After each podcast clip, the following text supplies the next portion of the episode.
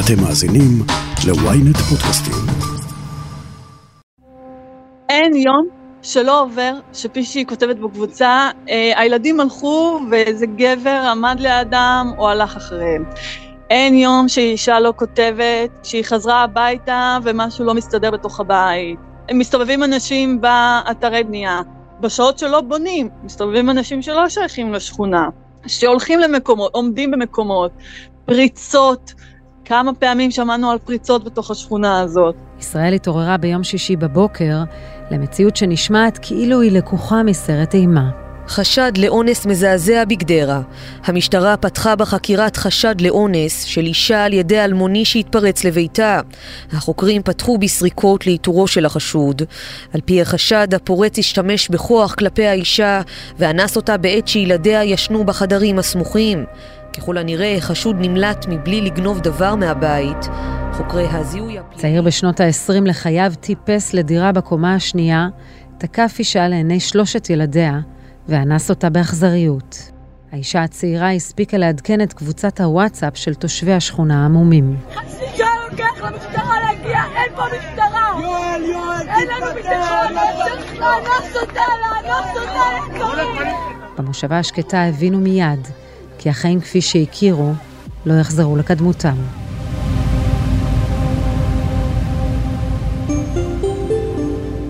על רקע האירוע המבעית מתחולל קרב האשמות בין המשטרה לרשות המקומית.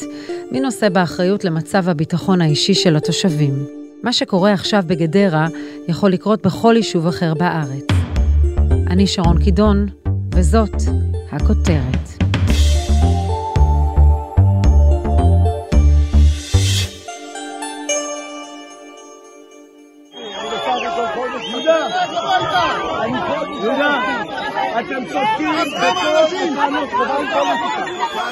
כדי לשמוע את התושבים. באתי לכאן, והם צודקים, הם רוצים ביטחון. אני בסך הכל חודש בתפקיד. התחלנו כבר לעשות צעדים, ואני מקווה שנצליח. השר לביטחון לאומי איתמר בן גביר התקבל בסוף השבוע בצעקות ובכעס גדול בגדרה. תושבי המקום עדיין המומים מהפריצה והאונס המזעזע שהתרחש בין חמישי לשישי. על אף שהמשטרה שמה את ידיה על החשוד תוך יממה, לתושבים זה לא מספיק.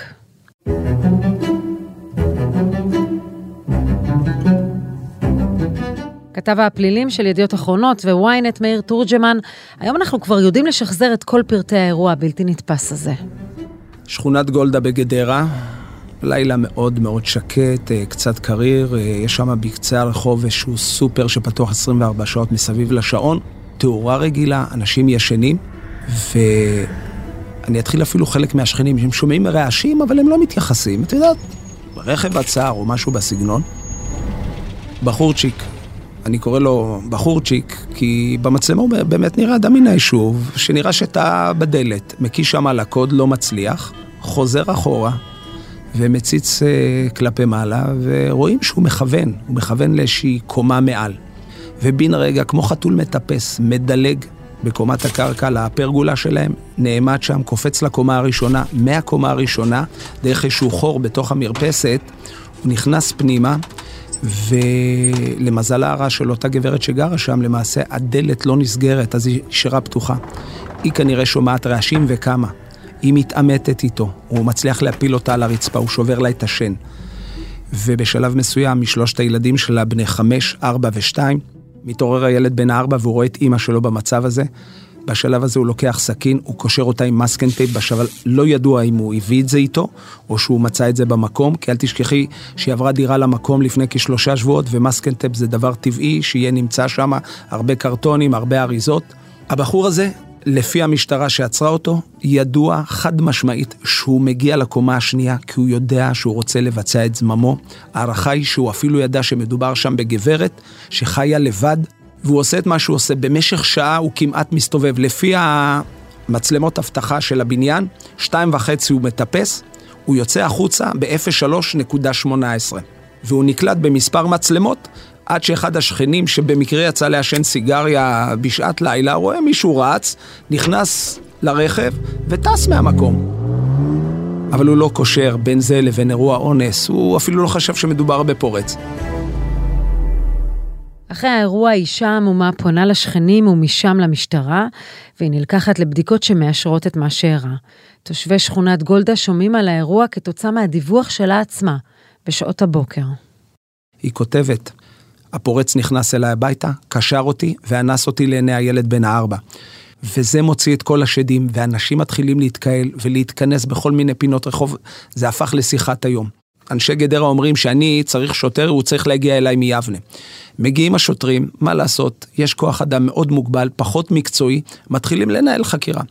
אני טוען, כשהעסק מתעורר והתקשורת מגיעה מכיוון תשע ומעלה, גם במשטרה, ממפכ"ל ומטה, מפקד המחוז מבינים שיש להם אירוע שהוא הרבה הרבה יותר גדול מהסיפור של גדרה. התושבים שקיבלו את בן גביר בכעס טוענים כי ביישוב הזה יש בעיה של ביטחון אישי כבר זמן רב. אתה בילית בגדר בסוף השבוע. יש שם נוכחות משטרה או פיקוח? חשבנו שיש שם שחזור, ישבנו כל הלילה להמתין לשחזור, לא קרה. ניידת אחת או צ'קלקה אחת של פיקוח עירוני לא עברה ברחוב שהיה בו אונס. אני, אני צלם וצלם וידאו של ynet. שלושה, לא נתקלנו בשוטר אחד, במשהו שיפחיד אותי. תקשיבי, לפני שבועיים, במרחק 50 מטרים ממנה, עוקרים כספומט. כספומט עוקרים אותו לעיני המצלמות. הכספומט, הם גוררים אותו מאות מטרים לקצה הרחוב, שם יש שם איזה שטח חקלאי וכנראה מגיע לשם איזה אוטו עם מנוף כדי להרים אותו. שקט. הם שולחים לי סרטונים של אנשים שמטיילים בתוך הבתים. ישבתי אצלם, הם אנשים מאוד נחמדים, הם אירחו אותי בבית, עשיתי למעשה את כל העבודה מאצלם בבית, וגם ראיינתי אותם והכל, ואני רואה, רגע לפני שאני הולך, שהם סוגרים את החלון, אבל אין להם מנעול. לחלון למרפסת שמש. אז הוא לוקח מקל מטאטא ונועל איתו את ה... והוא רוצה לשים אבטחה היקפית, והוא שמע שהוא שלף סכין, התוקף, מהמטבח והשתמש בו, אז הוא לוקח את כל הסכינים ומחביא בחדר, כדי שלא יהיה בשלוף. אז עכשיו אה, שייתנו תשובה לא... לאימא הזאת. אבל כשמשטרת ישראל רוצה, היא מנהלת מבצע לכידה מהיר ואפקטיבי, איך זה קורה? א', זה נכון. תראי, רצח קורה פעם ברחוב שלך, אבל הוא לא מפריע, הוא לא משפיע על איכות החיים שלך. מה שמפחיד אותך זה כשהילד חוזר מבית הספר, שלא יגנבו לו את הפלאפון, שלא יכו אותו, שלא ישפילו אותו, אם השכן עושה קריוקי עד אחת בלילה. פה את צריכה את המשטרה. ימ"ר זו יחידה מחוזית, יחידה בעלת משאבים, בעלת חוקרים, בעלת יכולת להתפנות לפשיעה האמיתית. וכשהם רוצים לעבוד, זאת אומרת שהם מחליטים לטפל, הם יודעים לעשות את זה טוב מאוד. בסוף השבוע, שעה אחרי שהם הבינו שיש אירוע גדול, הם פותחים את המעבדות לזיהוי פלילי, שזה לא חריג. תחשבי, אם זה היה בתחנת יבנה, היא הגישה תלונה, וזה לא האונס הראשון לצערי הרב שהיה ולא יהיה. היא הגישה תלונה, מגיע החוקר ביום ראשון, קורא את התיק, עושה השלמות חקירה ומתקדם בקצב שלו. כי לא כי הוא לא מוכשר, כי יש לו עוד מיליון דברים לעשות ביחד.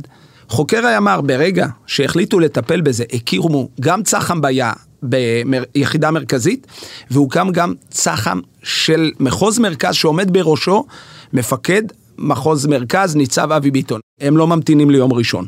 הם פותחים את המעבדה ביום שישי בלילה, ומסביב לשעון עובדים שם החוקרים, ויש להם רק דבר אחד, מעבר לתשאול, מעבר למצלמות, להמתין לתוצאה של המעבדה הפורנזית, והם מתפללים שיקבלו קצה חוט מהמעבדה, שיכול לסגור על בן אדם מסוים, על חשוד. הם מקבלים סוג של בינגו. הם מתחילים לסגור על האיש.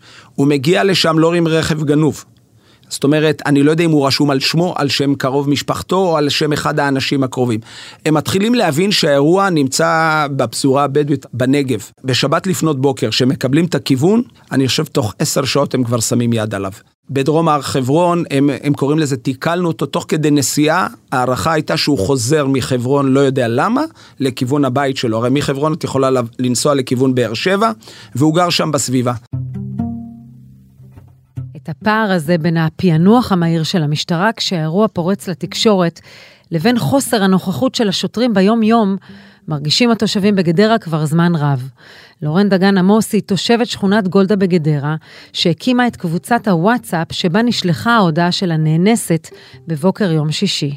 הקמתי לפני שנתיים קבוצה שנקראת נשות גולדה, אה, שמיועדת לאנשים של השכונה, אה, לקהילה, ליצירת קשרים, וביום שישי באמת פתחתי את הקבוצה כמו כל בוקר, אה, וראיתי מלא תגובות שלא אופייני לבקרים, ואז הגעתי להודעה המקורית של הבחורה, אה, שכתבה לנו שהיא עברה אירוע מאוד קשה בלילה, פרצו לבית שלה, שהיא נאנסה, ומאותו רגע פשוט נכנסנו למחול שדים מטורף.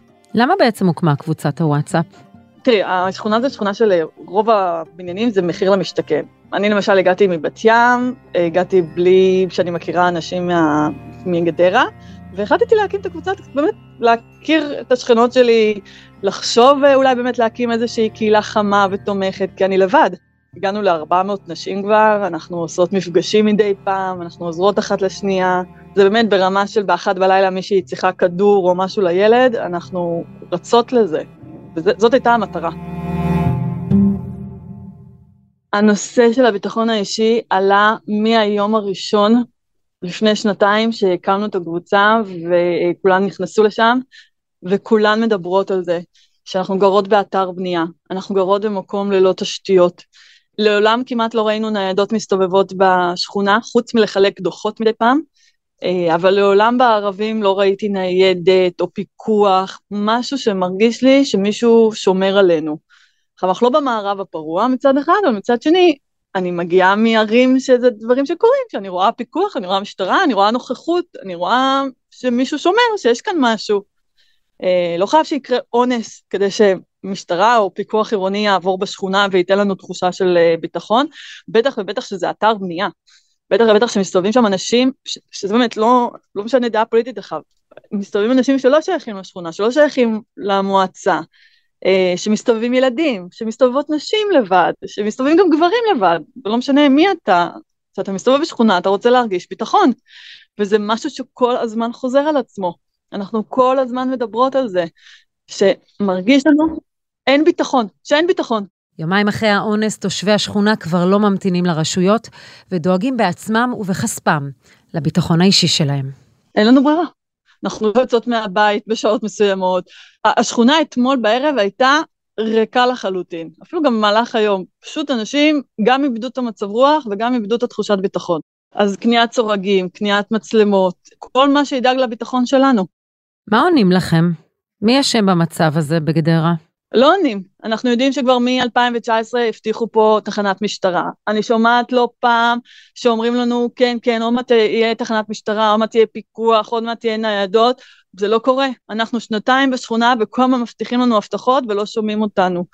אה, ראיתי שפורסם גם השבוע איזושהי אה, הקלטה מישיבת מועצה שהייתה, שמה פתאום הביטחון בגדרה זה דבר מעולה, הכל בסדר. אבל זה לא נכון, אנחנו, זה לא מה שאנחנו מרגישות. נורן דגן עמוס, תודה רבה לך על השיחה. תודה, שרון.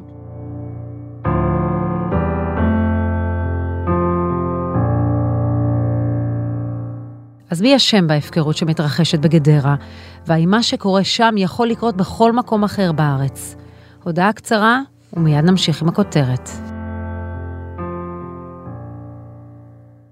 מי עומד בראש? ומי משתף פעולה עם מי? משטרת ישראל חושפת... סקרנים? מצוין. ynet פלוס החדש, עם הסיפורים המעניינים ביותר של מיטב הכותבים. החודש הראשון בחמישה שקלים ותשעים בלבד. ynet פלוס. האמת? מעניין. למצטרפים חדשים כפוף לתנאי השימוש.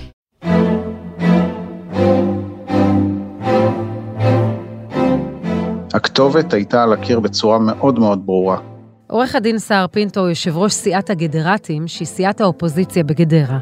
הם כבר תקופה ארוכה מתריעים מפני מצב הביטחון ביישוב, ומה שקרה בסוף השבוע האחרון טלטל אותם, אבל לא הפתיע.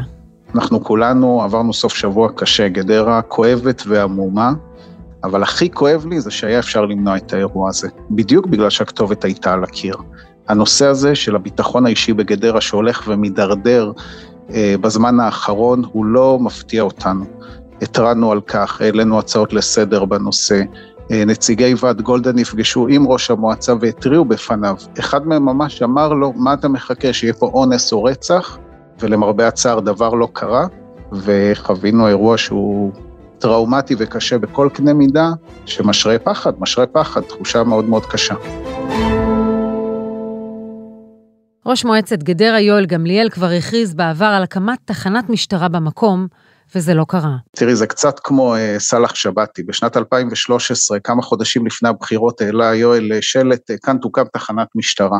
ומאז, מעת לעת, אנחנו פוגשים את uh, ההודעות שלו בפייסבוק, אושרה הקמת משט... תחנת משטרה באופן מיידי. אנחנו עשר שנים אחרי, דבר לא נעשה, תחנת משטרה אין, ו... וזה חלק משמעותי מהתוצאה. גם כשהקימו פה נקודת משטרה, שהמועצה שכרה למבנה, שכרו לחדר בתחנה מרכזית, שזה למעשה מחוץ לגדרה, זה על כביש 40 למי שמכיר. וכשאנחנו באנו ואמרנו, תקצו יותר כסף, אפילו את אותה נקודה קטנה, שהיא לא תחנה, אבל לפחות שימו אותה במרכז היישוב, במקום שיש לו נראות, במקום שיש לו גם נוכחות, גם הרתעה וגם משוך אנשים להתנדב, לבוא למשמר אזרחי וכיוצא באלה, אז גם קריאתנו זו לא נענתה. אה, והתוצאה היא שתחושת הביטחון כשמסתובבים בגדרה היא נמוכה מאוד. לאחר האונס המזעזע מזדרז ראש מועצת גדרה יואל גמליאל להוציא הודעה לתושבים. אנו עדים למחיר הוזלת היד של משטרת ישראל, אשר מפקירה כן, פעם כן. אחרי פעם את ראשי הערים, תושבי מדינת ישראל ואזרחי ישראל. אנו עומדים בחזית המלחמה בפשיעה ואין לנו שום מענה מהגוף האמון לאכיפת הסדר והחוק. ומשטרת ישראל מגיבה בחריפות לדבריו. בהתייחס לדברי הבל וחוסר אחריות של עיריית גדרה על רקע חשד לאונס חמור בעיר, אנו מביעים שאט נפש מהניסיון של נבחר ציבור לקושש כותרות והון פוליטי על גבה של קורבן עבירה. אז מי אשם במצב? אנחנו כתושבים, לא מעניין אותנו המאבקים האלה, מעניין אותנו זה שיישובים קטנים מאיתנו מצליחים לקדם את זה מול המשטרה. ואצלנו בגדרה, אגב, כמו בדברים אחרים, כמו בתחנת רכבת שלא הוקמה פה, זה uh, תופעה שהיא חוזרת. כשדברים לא מנוהלים בצורה מתוכננת ובצורה רצינית ובצורה מקצועית, אז בסוף זה נופל בין הכיסאות. אז פעם זה אשם ופעם השני אשם, אבל בסוף מי שמשלם את המחיר זה תושבי גדרה. מה חסר בגדרה? כשאנחנו העלינו את ההצעה לסדר והעלינו אותה עכשיו גם מחדש, בעצם ביקשנו מספר דברים. אחד, שהוא מאוד בסיסי לרשת את היישוב במצלמות אבטחה שמחוברות למוקד צופה 24/7. העלינו את זה כבר לפני מספר שנים ומאז כל פעם מחדש. לפני חמש שנים אמרו לנו התחלנו בתהליך, כן? לרשת יישוב, בטח כמו גדרה שהוא לא גדול במצלמות, זה לא אירוע שצריך לקחת יותר מחודש-חודשיים. אין שום ספק שהמצלמות שקיימות היום עם בינה מלאכותית, יכלו לזהות ולפחות להקפיץ אירוע כשמסתובב גבר עם קפוצ'ון ב-2.40 בלילה ומנסה לפתוח דלתות של בניינים. נקודה שנייה זה שאין פה שירותי אבטחה רכובה יזומים של המועצה, שיכולים לתת מענה מהיר והגעה לכל נקודה. גדרה גם חשוכה פיזית, אם תבואי ותסתובבי פה ברחובות, התאורה מאוד מאוד חלשה. את כל זה אפשר לעשות אגב, לא בהשקעה גדולה, ובלי להיות תלוי במשטרה. זה נטו החלטה של המועצה להקצות לזה את המשאבים הנדרשים ולהחליט שפועלים בעניין. מבחינת אה, נתוני הפשיעה, אנחנו מסתכלים על היקף אירועים. איפה גדרה עומדת? תראי, כשמסתכלים על אתר שקיפות הנתונים של משטרת ישראל, רואים גידול משמעותי בשנים האחרונות. אם בשנת 2020 דווחו, כן, צריך לזכור שהמספרים עצמם הם הרבה יותר גדולים, אלה רק המספרים שדווחו ונפתחו בגינם תיק במשטרה, אז אם בשנת 2020 היו 69 מקרים, ב-2022 זה כבר 121 מקרים. זאת אומרת, התהליך, אה, רואים אותו באופן אה, עקבי, הולך וגדל, אה, וזה לפי נתוני משטרת ישראל.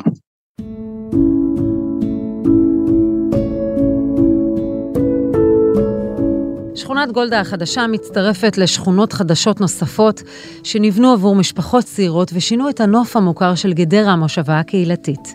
הזוגות הצעירים של מחיר למשתכן לא תמיד מרגישים שהם חלק מהמושבה הוותיקה ושדואגים להם.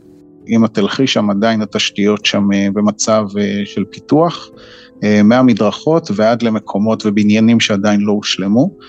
כשמאכלסים שכונה כזאת, שכונה צעירה, זוגות צעירים, ילדים, לצד המשך בנייה והמשך פיתוח, אז מטבע הדברים מסתובבים גם פועלים, וזה חלק מהנושא שמטיל פחד בתושבים שמתגוררים באותו אזור, ובוודאי שזה דורש נוכחות מוגברת של שיטור עירוני, פיקוח עירוני וכל הכלים שיש לרשות כדי למתן את זה.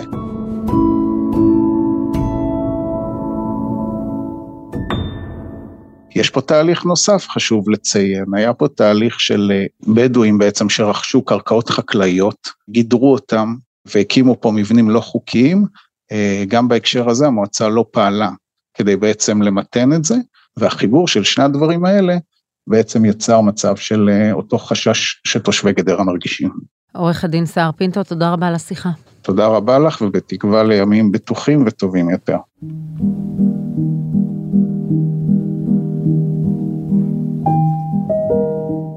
בחזרה אליך, מאיר תורג'מן, לסיכום, האם מה שקרה בגדרה הוא אירוע נקודתי או מראה למה שקורה במקומות רבים בארץ?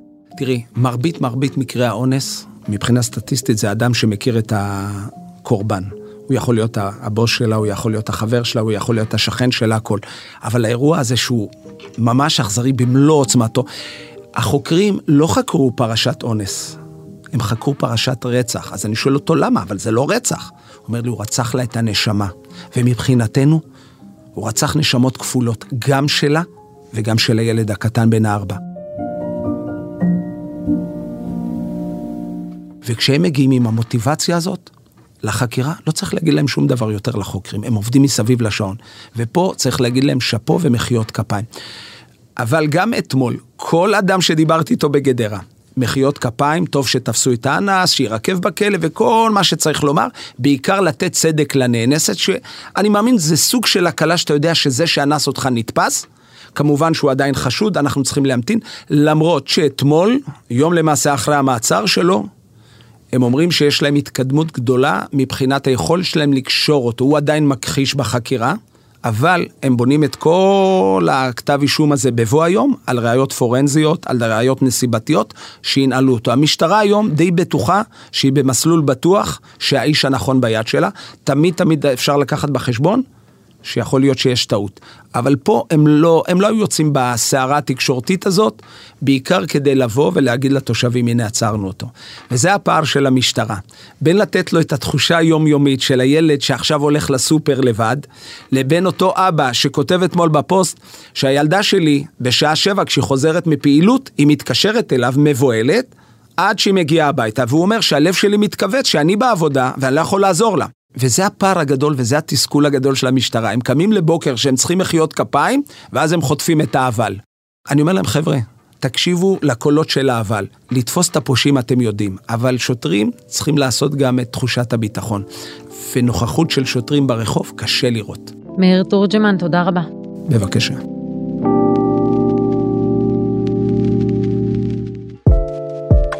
ועד כאן הכותרת להפעם. אתם מוזמנים לעקוב אחרינו בוויינט רדיו, באפליקציה, בנייד וגם ברכב, או איפה שאתם שומעים את הפודקאסטים שלכם.